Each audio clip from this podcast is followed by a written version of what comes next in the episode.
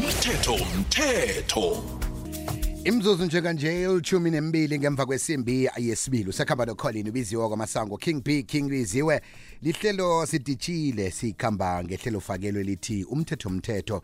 Vane-ke sibe naloqobe ngomvulo ngalesi sikhathi eh sikuphatheleke izazi ngomthetho siqala inhloko ezahlukahlukeneko. Khona nawe uzakhona ukuthi uphandluluke ehlangothini lezomthetho. Namhlanje-ke siqala indaba eh, yobudlelwana hlakana kwakamastandi nomuntu oqatshileko sikhambisana-ke nobaba u-aphane oligqwetha lotshani aphane Eh akwande liziwe nabalaleli ekhaya.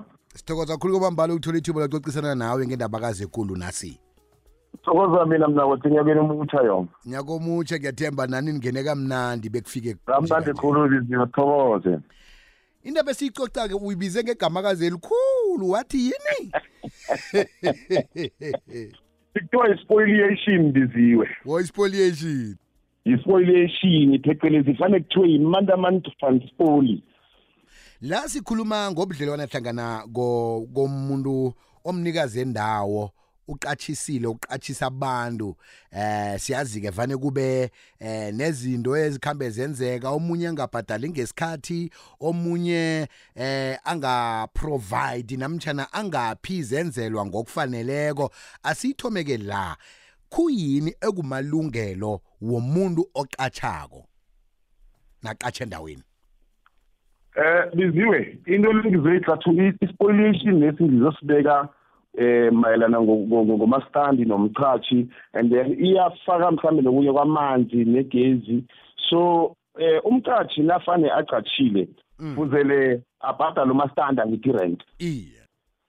Eh lokho kuqakatheke khulu uyanderstand ukuze athola indawo le ahlale impela abhadale umastanda mara ke siyazi ukuthi ngabo December siyakhamba sibe semakhaya sibe nento eziningi sibuye ngoJanuary asimbhadale umastandi. Then umastandi ke yena ngoba akabhadelwa eh akanalungelo or next time mhlambe wena uphumile or uthi uyabuya le gama rafir uthola eh umastandi ufaka ilogo utshintsha amalogo eminyango ekamereni lakho or iflat la uhlala khona.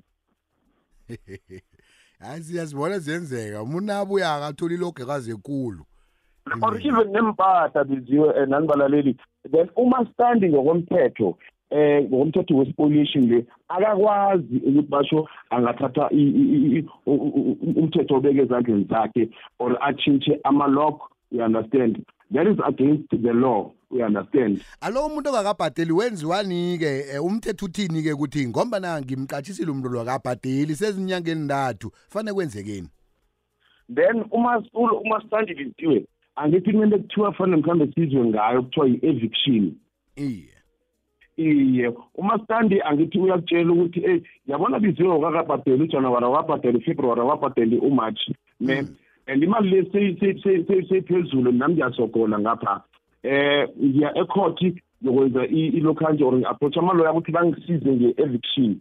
Then umastandi bamenzela bamdraftela i-eviction notice abosheriff becourt bayakuhamba bayokuseva yena umcashi lo you understand there is a legal process elandelwako biziwe you understand hayi ukuthi basho umastandi somari yena ufaka ilogo lapha emnyango you understand nayikhibe nangumastandi ukwenzile lokho kuyini mina engimuntu oqatshile kafane ngikwenze wena number one fuzele uye ecourt you understand ngoba into le iyaphuthuma fane sibize ukuthi phecelezi it's an urgent application ecourt oyenzako eh and siyayenza nebusuku biziwe thole sikwamahastrata lapha icourt iphelele siyenze ngoba kuyaphuthuma.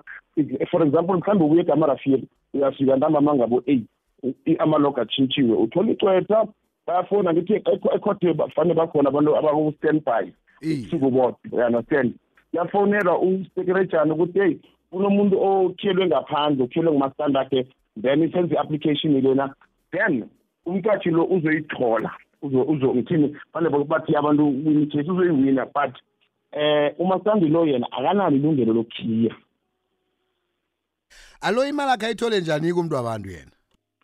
Yazi ayisenzeni biziwe-ke nakusona. Angithi awakayitholi imali yakho ye-rent um wena mastandi fanele sibize ukuthi i-rental error you understand? Okay. So the more umuntu aloko ahle ahlezi so iyakhuphuka imali le oyikweletako uyaunderstand Iye. umasitandi nakakwenza i-eviction ukuthi uyakukhipha lapha. Ukukhipha plus ub- ufuna ufuna nemali le e-outstanding ama-errors werenti labiziwe ngiyakhona-ke mina um ngingumastandi ukuthi ngiye koto nami ukuthi nangumuntu phela sola kangibhadali. Iye iye une une u- u- u- u- uyakhona biziweni that's why ngithi umastandi yena i-process ayiberegisako i-eviction you understand? Yeah and then i-spoilation esigodu wena biziweni usiqaphele sibereka ngenye indlela nje.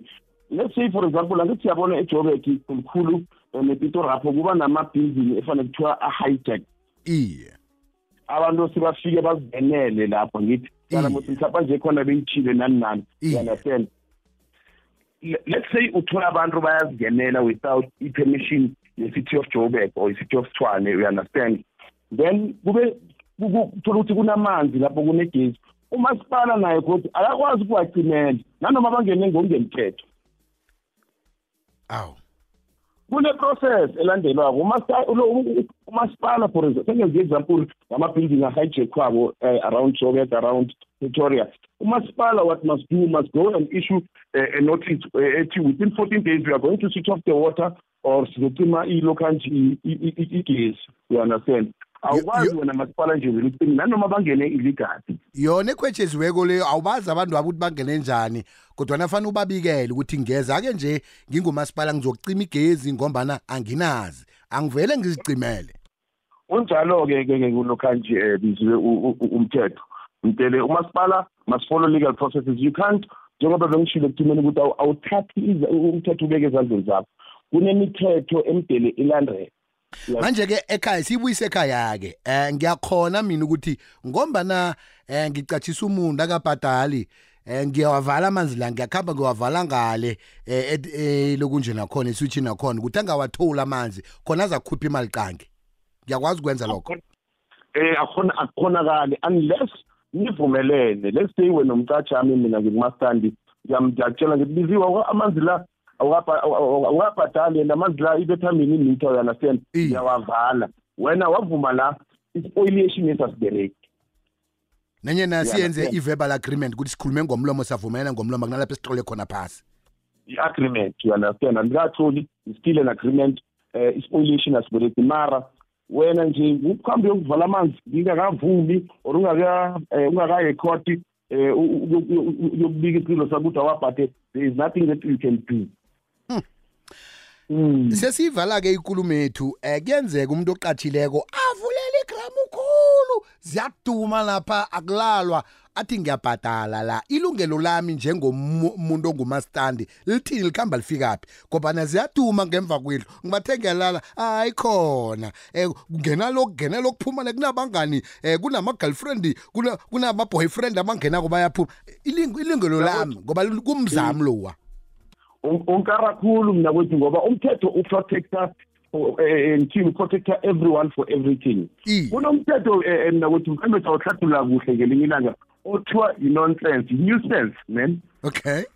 Yeah hayi kuthiwe yi-nuisance. Nakhona wenza i-application ecourt mara yona ifola under nuisance. Then mhlawumbe isi- isihloko sasibamba ngelinye ilanga ngoba uqinisile. Uyabathola abacashi lapha federe beziphathi lapha Iye. ku- ku- kuphasi phezulu Um- u- uma- umastandi unomntwana olisana kakhoni ukuthi mhlawumbe nomntwana a- a- a- a- alale. Wenza i-application ecourt hayi sibiza ukuthi yi-nuisance leyo. Sizayibamba ngesikhathi Nonsense. ezizako sayibamba ngesikhathi ezizako leyo-ke aphane. Umuntu otloga isizo lezomthetho namtshana ufuna ukungenelela endabeni esiyiphetheko namhlanje si ukuthola apha ama-ofiseni akuphi? Um nangabe-ke mhlambe kune-website um email address nenomboro yakho yomtato.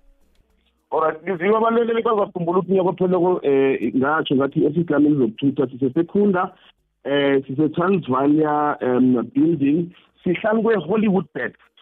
Abantu abazisekunda i-hollywood bets ihlanu kwerenkeni then uzokuthola umnyango entrance number three utloliwe lapha apha ne-atkenis then inomboro um zomtato ze-ofisini um zithi o one seven 017 six three one 631 um nineteen o two. 1902 um ngingayibuyelela biziwe ibuyelele aphane. Ithi 017 017 631 631 uh, 1902 1902 yes then bese kuba ne-cellphone number ami bathi njengoba bengibawile aba- abalaleli la siyami ukuthi ngoba bangafona ngo-ten or ngo-eleven ebusuku. Understand i-cellphone number ami ethi zero seven six 076 seven six 76 nine three 93 seven one five. 715 bangawhatsappa and then ba- bangathumeli i-whatsapp mhlawumbe engadluli- engadluli ku- ku-one minute. Just keep it short. You understand and bangafoni ebusuku after after six assembly apha nesithokozo ekhuluma mbala nangesikhathi esizako siyabawa ukuthi nasikubizako eh, usabele. Thokoza mina biziwe nenabalaleli ne? Sithokoze ekhulu kwamambala. Umthetho mthetho bengomvulo ngalesi sikhathi siphatha isihloko esahlukileko ezakhona ukuthi sikuphandlulule eh umuntu sakhamuzi esewula Afrika. Zwileka ngisho udobhadobhile.